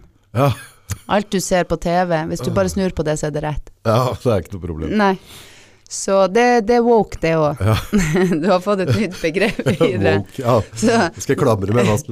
ja, så nå står trenerne på sidelinja, og hvis de gjør et sinnssykt bra trekk og sinnssykt bra mål, så er det bare sånn Rolig! Ikke, ikke vis noe, vi skal ikke vise glede. Hold kjeft. Jeg er så glad jeg ikke sitter i en, en stilling som at jeg er noe avgjørende for noen, og at jeg bare er utdannet, for da kan jeg faktisk si sånne ting. Så kan du si, ja, Nøges er bare dum i huet, ja, greit nok. Jeg tar den. Jeg kan ikke være håndballtrener nå, for at jeg hadde blitt utvist på Ja, ja. hver eneste kamp, bare for at Rett jeg ut. viser følelser. Ja. Jeg hadde ikke engang trengt å vise en finger. Nei. Det gjorde jeg noen ganger, og fikk utvisning for. Ja, Eh, jeg har et voldsomt temperament, men det har jeg jo lært meg å roe ned. Men jeg hadde jo faktisk i dag, hadde jo ikke jeg kunnet vært aldersbestemt håndballspiller. nei. Hva er det vi skal igjen? Hva er det? Husker dere Anja Andersen? Hun danske Jo. verdens beste håndballspiller. ja, ja, ja. Med det korte håret. Ja, ja, stemmer, stemmer. Ja, hun var jo samme som Petter Northug. Ja, Klingeren. Ja, og så bare erta hun på seg alt, ikke sant, og, og provoserte noe så inn i helvete, men det var jo så artig. Det var jo så artig å se hun spille håndball! Ja, men jeg har jo tenkt på det sånn, sånn meta for deg. sånn, eh, eh, I min verden, da. Mike Tyson, det det er ikke noe over under. Kan, må ha medalje. Jeg skiter i det. Mm. Tyson, var, det var bare snakk om grov vold. Ja. Det er det boksing handler om. Ikke sant? Og han var best på det. Ja. Det er ingen, ingen som har vært bedre. Og så har han noe dårlig atferd, da, ikke sant? Dårlig oppførsel.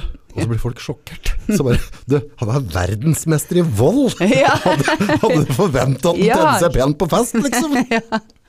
Northug, ikke sant. Det, altså, han er ekstremist. det er Mm, han er derfor han har vært så forbanna god i det han driver med. ja. Og Og da- underholdende, ikke Ja, og da, da kan du ikke bli sånn dritoverraska om han gjør noe dumt. Nei. Det ligger i korta, for, for domsene er ekstremt gode i sånne altså, De er sånne kunstnersjeler. altså, mm. kall Mm. det hva du vil. De, er, de er ikke firkanta. Jeg vet ikke om du noen gang så Holmgang? Uh, jo, det er tidligere når jeg var yngre, eller et eller annet. Ja, Ja, det, ja. det går ikke ennå, det vel? Ja, altså, Nei, nei, nei, herregud, det er jo sikkert daua han som drev på. han er jo, han er jo risikogruppa, så han er pluss 80. det var, jo han, det var jo han Staff og dem, gammeladvokatene, Staff, ja. Ja, ja, husker du ikke? Det var jo nesten håndgemeng. Var ikke han gris og staff? Jo da, det innrømte han jo også. Ja, som pornogris, liksom? Ja da, men også han, at han hadde sin første seksuelle opplevelse med en mann da han var liten, og det var ikke så ille det, sa han. Nei, nei. Nei. Så han syntes det var greit at mannfolk tukler på smågutter?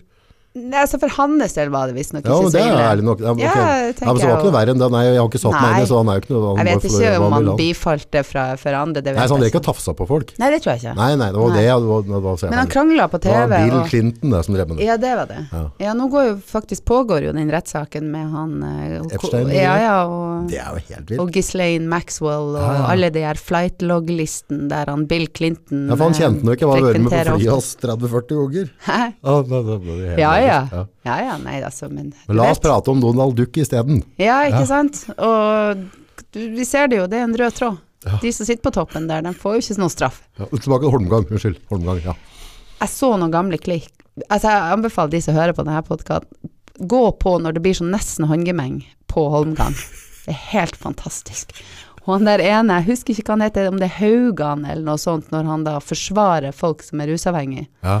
Vet du, han brøler. Han sitter og han, han gløder og rister og bare Er det noen som noen gang har sagt Og jeg bare sitter her og tenker Det er mennesker. ja. Det er karakterer. Min bestefar han var den originalen. Han er et kryss i Tromsø oppkalt etter seg sjøl. B-mann-krysset. For der krasja han. Ja. Så han drev og sykla med en sånn derre eh, henger på sykkelen sin Ja, med en hund bakpå, samla alt mulig han fant. Han en gammel sjømann. ja, ja. Og han satt jo og hadde sånne røverhistorier med, med bordet om drap av de Ja, jeg tør nesten ikke å si det her. Nei, nei, nei. Og det var bare sånn, da tok alle bare og holdt for ungene sine ører, for da var det øh, vold og øh, Ikke sant. Så avretting av den ene og den andre. Godt gammeldags mannfolk. Ja, skikkelig sånn. Så tenker jeg, så jeg er jo vokst opp, jeg har sett det. Ja.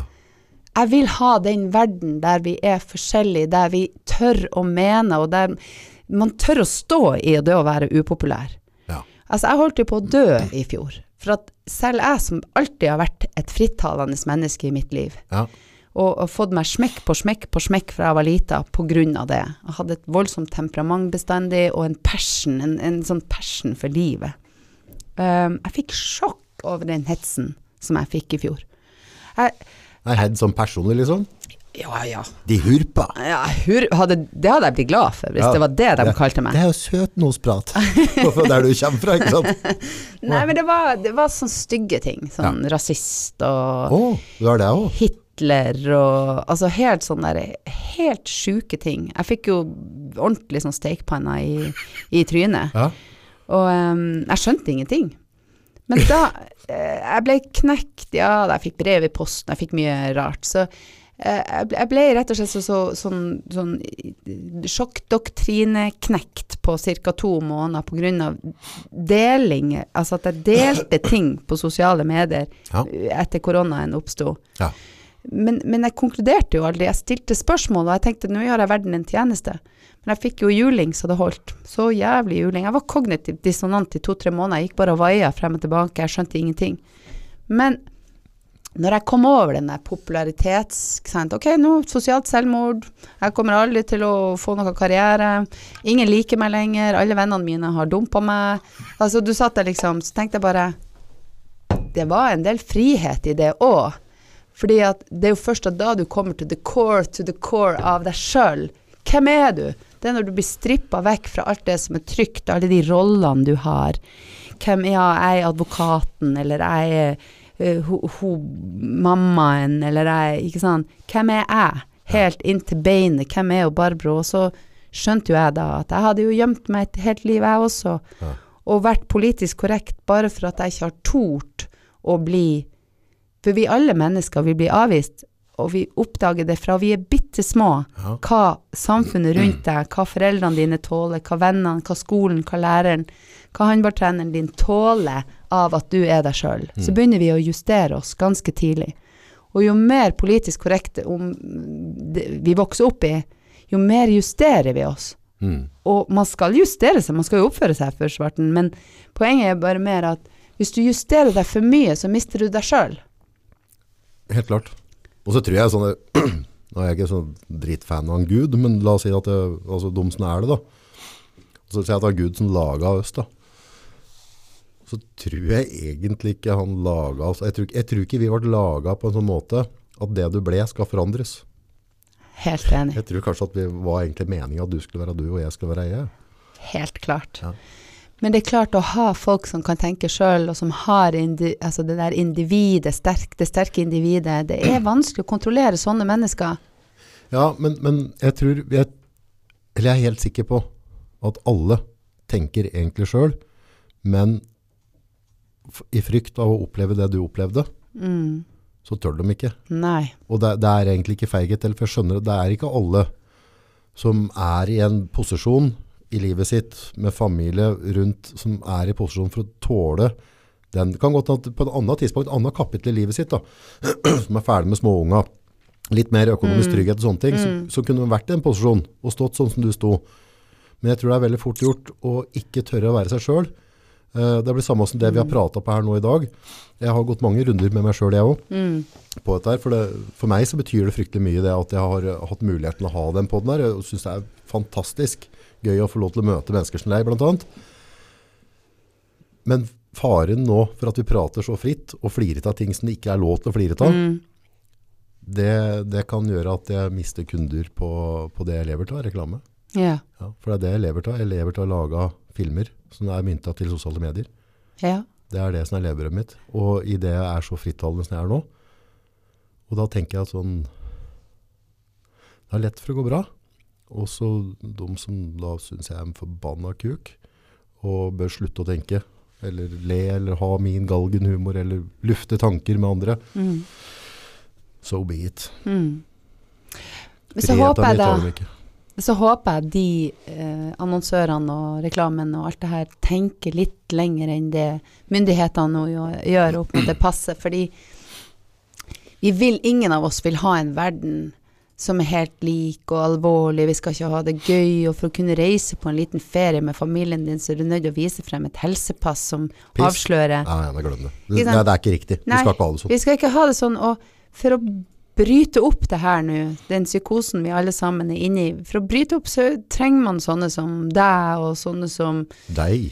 Som meg, og som, som Altså mennesker generelt sett som tør å si noe annet. Og da tenker jeg for de som er uenige med meg, og de som er uenige med deg, ikke se på, ikke se på det. Se på det store bildet. Se på konsekvensen av hvis ingen hadde tort å sagt noe annet. Mm. Vi har ikke lyst å bli Kina.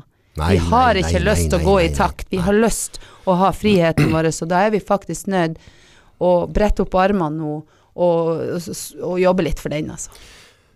Uh, Eldstedattera mi, uh, fantastisk jente som alle døtre er. alle er jo glad i døtrene sine. Uh, for noen, en tid tilbake at, så hadde vi en diskusjon i forhold til et eller annet. Og så, mm, så, så sier jeg at uh, ja, men det er greit, men da, da tar jeg Da får vi bare legge beslag i telefonen din. For jeg er ikke interessert i å sitte og betale abonnementet ditt. Og den der, hvis vi på en måte altså, så blir det en diskusjon rundt det, og så sier ja, men øh, du, kan, liksom, du kan ikke eie meg, pappa. Ja, men nå, poenget er at du er dattera mi, og du lever under taket mitt, så jeg, du må nesten høre på de reglene jeg setter. Ferdig med det. Ja, men hvis jeg, hvis jeg er på skolen, altså, og så plukker jeg en blomst, er det da din blomst, pappa? Så, så i teorien så er det jo din blomst. Tankene mine får du aldri, sa, for de er mine. Da var, Bra. da var jenta 11 eller 12 år gammel. Ikke sant? Og det er en liten oppfordring til oss gamle gubbjævla som ikke tør å stå til en dritt. En tolvåring sier at Mm. du du. Nei, og du eier meg ikke, pappa. Nei. Nei. Nei. Det gjør jeg ikke heller. Jeg eier ikke tankene hennes, jeg eier ikke hennes følelser. Jeg eier ikke hennes rett til å ha meninger. Men at de må på en måte holde seg inne et visst regelverk. Fair enough. Men autonomien, det er jo den som frastjeler oss. Det er den de tar ifra oss nå. Ja. Vår egen autonomi. Vår egen kraft. For når autonomien blir borte, og noen andre skal bestemme over din kropp, så er det ikke bare det stikket, eller den bestemmelsen, det er jo hele deg. Du blir invadert. Ikke sant? Så du kan ikke cherrypicke Grunnloven. Enten så har man en rettsstat, eller så har man det ikke. That's it. Ja, det er bare så enkelt. Det er helt prinsipielt. Jeg hadde en sak back in the days, eh, rundt ti år siden, med en av Norges mest kjente kriminelle som havna på mitt bord. Mm. Og da var jeg kjempefersk eh, på slutten av jusstudiet, for jeg gjorde jo litt andre ting før jeg begynte å studere juss. Mm. Og eh, jeg tok han helt og holden som en helt vanlig klient. Ja. halv, altså to tredjedeler av min fengselsgruppe på Jusshjelpa i Nord-Norge var eh, helt rettskaffen når det gjaldt å, dette med likhet for loven. Ja, ja. Og så var det en par stykker der som overhodet ikke mente vi skulle ta den saken, for han var jo så Han hadde jo sikkert så mye penger, Mm. ikke sant, så han trengte jo ikke noe gratis rettshjelp, og, eh, og da, da er man jo inne på ok, så innafor Ja, vi skal gjøre økonomisk vurdering, men vi kan ikke se at han har noe mer penger, så vi kan ikke legge til grunn at han potensielt har det. Nei. Det vet vi jo ingenting om. Nei. Likhet for loven er likhet for loven. Du kan ikke si at likhet for loven skal gjelde deg, men ikke deg. Nei, da kan du Enten det gjelder eller så gjelder det ikke, og det er på godt og ondt. Vi trenger ikke være enige med alt det som skjer. Nei. Men skal vi ha rettsstaten, så må vi være jævlig prinsippfast, og så må vi stå i den. Og så får vi heller løse uenighetene våre under den rettsstatsparaplyen. Men å begynne å cherrypicke og, og plukke ifra hverandre, da er vi jo alle super, super sårbare. Ja. Men det var jo min første oppvåkning til at systemet ikke stemmer helt ut ifra det vi lærer på jussen, Ja. og det som er virkeligheten. For han var virkelig et unntak. Han var plukka ut på ei liste som heter Infoflyt i Norge. Okay. Og på den Infoflyt-lista så er det ca. 100 fanger til enhver tid innsatte i Norge som er på ei liste som de sjøl ikke vet at de er på. Okay. Infoflyt er bare rett og slett et, en forkortelse for informasjonsflyt mellom kriminalomsorgen og politiet. Oi. For i det øyeblikket du er straffedømt, så går du over i et nytt lovverk, ikke sant, som heter straffegjennomføringsloven. Ja.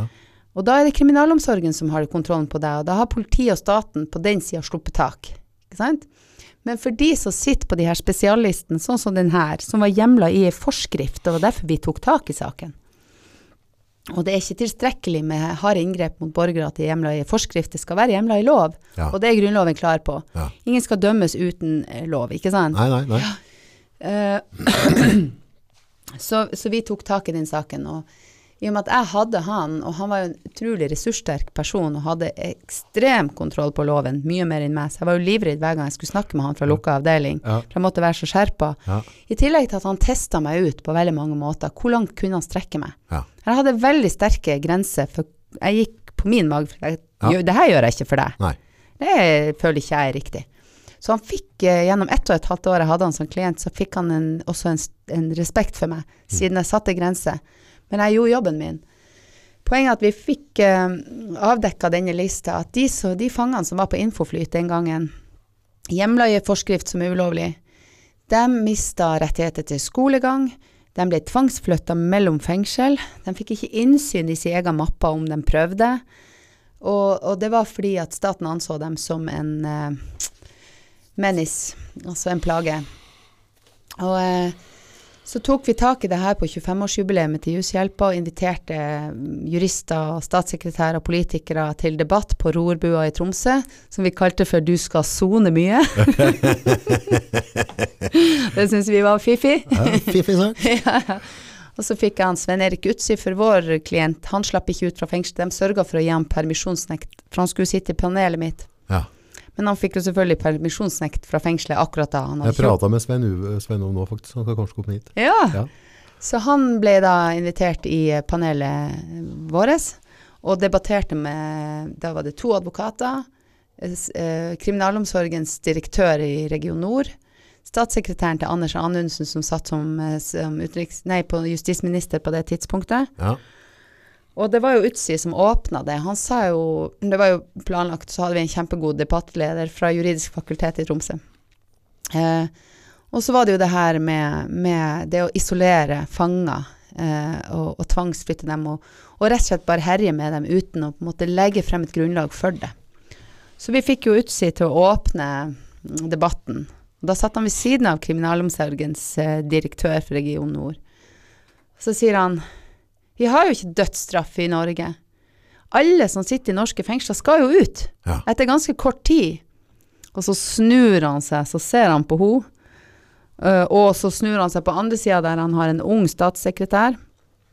Uh, hva slags uh, samfunnsborger er dere vil ha ut fra fengslene? Jeg kan, jo, jeg kan jo fort bli naboen din. Og hva slags type menneske har du lyst til å ha som nabo? En som er rehabilitert, eller en som er fullstendig ødelagt? Ja. Sånn starta det. Uh, nå fikk jeg sånn knuppa att. Og det var bare så uh, fyrig, i den debatten, men i alle fall, den her, uh, den her kjente kriminelle lederen for, uh, for eh, en organisasjon som ikke er så godt likt av staten, han eh, Vi jobba steinhardt, jeg jobba steinhardt med den saken. Det betydde så mye for meg nettopp fordi at han var så dårlig behandla i systemet, og det handler om det her med likhet for loven. Det å ha denne rettsstatstanken at vi skal faktisk behandle borgerne, borgerne våre likt. Så slutta jeg på Jusshjelpa, og så våkna jeg en morgen med ei tekstmelding ifra han. Ja. Og um, der det sto Hei, nå er jeg hjemme hos foreldrene mine på besøk, og har også vært sammen med min datter. Og Sivilombudsmannen har nå omgjort alle de vedtakene som du jobber med. Og jeg vil bare takke deg for at uh, jeg følte at du behandla meg som et menneske gjennom hele prosessen. Det har betydd så mye. Tusen takk. Og hvis du noen gang tre trenger en referanse uh, når du skal ut og søke jobb, så har du det i meg. Tenk på det. Og eh, jeg satt i senga der og flirte ordentlig høyt. Og han ordna meg et intervju med en strafferettsadvokat samme dagen for at han visste at han var i Tromsø. og jeg ble så glad, så tenkte jeg bare det er jo det det handler om, det var derfor jeg ble jurist. Det var jo nettopp for at jeg skal helt uten prejudice, altså uten fordømmelse, Ja. skal ikke jeg sitte der og forhåndsdømme noen. Jeg skal se på har vi overholdt norsk lov. That's it. That's fucking it. Gjør vi det nå om dagen med koronapass? Nei. Nei, for svarten. Det gjør vi ikke. Bryter myndighetene loven nå? Ja, det gjør de. Men de har jo heller ikke gått ut med og sagt at det her koronapasset er jo egentlig allerede innført. Det de jobber med i kulissene nå, som jeg fikk melding fra de advokatene som jeg er på tråd med, det er jo det at nå jobbes det på hardingen bak i kulissene mot de, dette forfatningsmessige. Hvordan skal man få det her til eh, uten å, å, å rive ned Grunnloven i all åpenlyshet? Hvordan skal man få til det her? Det er ikke lov i forhold til Grunnloven å gjøre dette her. Nei, Nei. det er det jo ikke. Du, det krenker jo nesten alle menneskerettighetsbestemmelsene i Grunnloven. Du har rett på privatliv. Hvor blir den av? Den, den, blir- den blir borte! Det er kjempeskummelt. Hva skal vi gjøre? Vi skal si nei. Enkelt og greit. Og- Nei. Ja. Og det er veldig enkelt i forhold til det her med Ja, ja, så får man ofre sydenferien i et par år fremover. Okay, Jesus Christ, so who so be it. Ja. Jeg har en kompis av meg som nå har vært både i Italia, i Tyskland, i Hellas uten koronapass, og der er det jo egentlig. Så man må ikke la seg lure heller. Altså det her er et system som blir veldig vanskelig for så mange mennesker å overholde. Men det de har gjort i Frankrike, som nå har tre doser på sitt pass, ja. Israel har fire. Ja. Som sagt, det, Blir fire her òg, ja. ja, det blir jo åtte da, Ja, ja, etter fra ja, det. Men det de gjør i Frankrike, der brenner de jo de her grønnpassene, eh, også de som har dem. For de som har Selv om de er vaksinerte, de brenner ja, likevel. de brenner det for det, fordi det Bokstavelig talt tent på dem. tenner på dem og hiver dem i sånn uh, bålpanner. Jeg har en venninne som var i Frankrike nettopp, og hun sier der er befolkninga nesten sånn 50-50 delt i to. Men det de gjør, de lager seg gatekafeer, de tar en rød og hvitruta duk og legger på fortauet, hiver opp deilig ost og vin og sitter på fortauet utfor, litt demonstrativt utfor de restaurantene som har koronapass, Ja. og sier fuck off. Enkelt Vi lager kafé sjøl, og og så støtter de de få som ikke innfører det. For foreløpig så har jo, akkurat som i Norge, nå er det jo åpna opp for at ordførerne i hver enkelt by Heia Tromsø! Eh, at det er ordførerne som skal få lov å bestemme. Mm.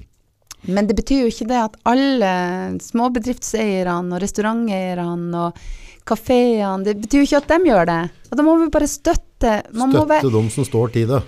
Altså, svaret mitt på det her er se nå bort ifra om du er jurist, advokat, lærer eller snekker eller hva du er for noe. Det viktigste er nå at hvert enkelt menneske går inn i seg sjøl og tenker hvordan verden vil jeg at mine barn skal ha der fremme? Hvordan verden skal vi ha? Og ta et standpunkt. Nå er tida til å ta et standpunkt, og vær så snill og ikke la stoltheten komme i veien. Hvis du har vært på den andre sida, jeg sier på den andre sida, Ja, ja. helt i orden. Klart det går an til å snu, det går an til å skifte mening. Ikke la ego og stoltheten stå i veien for å, å snu hvis du kjenner at det her napper og røkker for mye i, i, i ryggmargsrefleksen din, at det her er ikke riktig lenger. Nå er det nok. Nå er det, nå er det nok, rett og slett.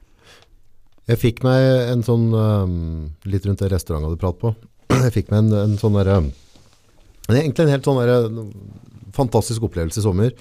Eh, jeg var litt uheldig, var veldig dårlig i år.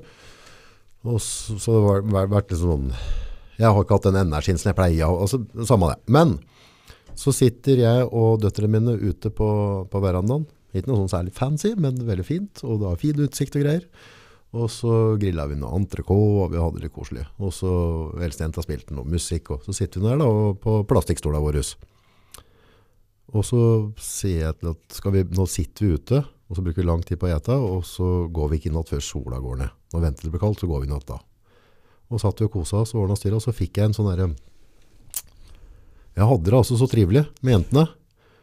Og så plutselig gikk det opp med at jeg trenger jo ikke sitte på skjærgård i Hanke eller en fin restaurant i Tønsberg for å ha den tida. Nei. Det er øl på en plaststol ute på trappa, så Ja. lenge jeg er med dem jeg er glad til, Ja. og jeg ikke trenger å sensurere meg. Ja. Den tida jeg har her nå med deg i dag, den er verdt mer enn en Spania-tur. Vi kan prate hjertet vårt Ja. uten at du skal redde, redd for at noen skal hugge deg. ja, det er det. Er ikke det flott? Ja.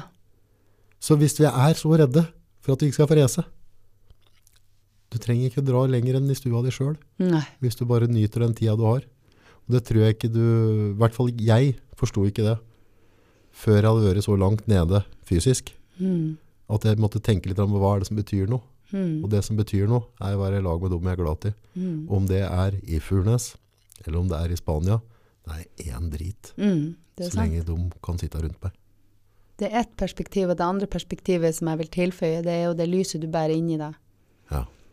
For hvis du har funnet det, alt gullet er jo inni oss sjøl. Hvis du finner de egen gullåre, så trenger du nesten ingenting, altså.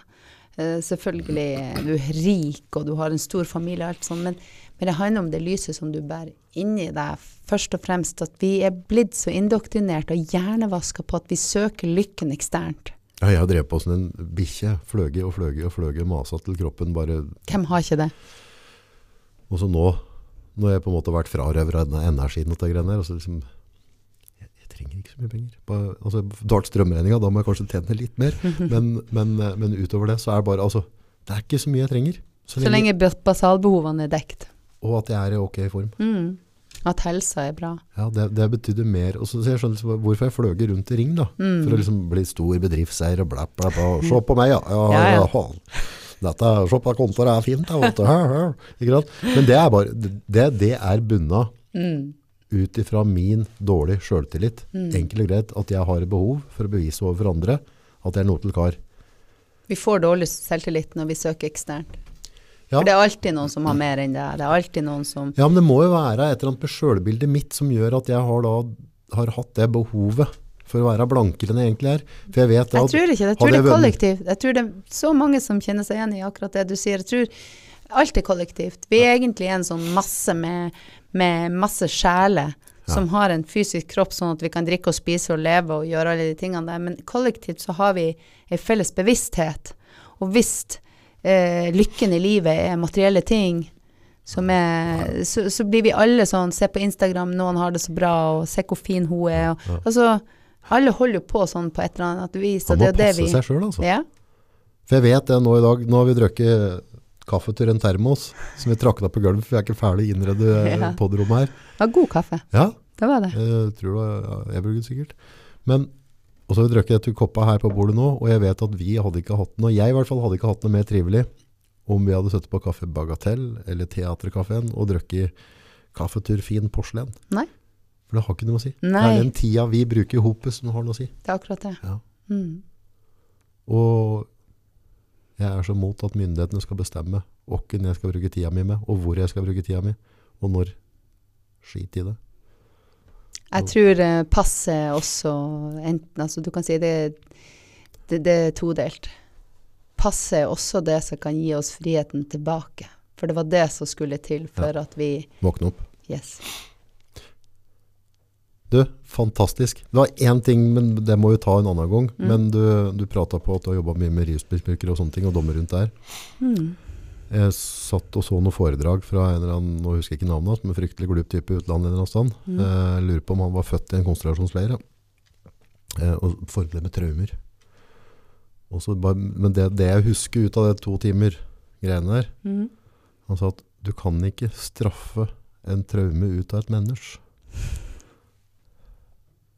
Jeg begynner nesten å grine når du sier det, fordi Tenk at vi har funnet ut det, dem som er traumatisert på en eller annen måte og ramla utpå og sjølmedisinerer seg, mm. så skal, tror vi at vi skal straffe traumatulom. vi tror ikke det lenger. Vi vet bedre, men vi gjør det likevel. Sjukehus. Det husker jeg da jeg var lita. Hvorfor heter det det? Du sier det jo hver eneste dag. Når du skal inn der, så hver, altså, hver tanke du gjør, hver tanke som du manifesterer, blir en manifestasjon og blir ditt liv. Det blir det bildet på det Hvorfor kan ikke livet. det friskehus i stedet, ja? Ja, Ja, du, du er jo der for å bli frisk. ja. ja, Altså, du, ja du, vi må Nei, begynne jeg, jeg må på sykehus. Å, er det bra med deg? ja, Allerede da, så bare Ja, all sånn, energien bare ja. ja, det er sant.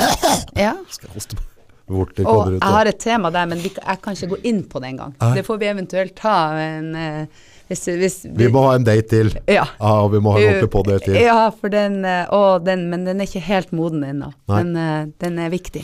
Og så folkens,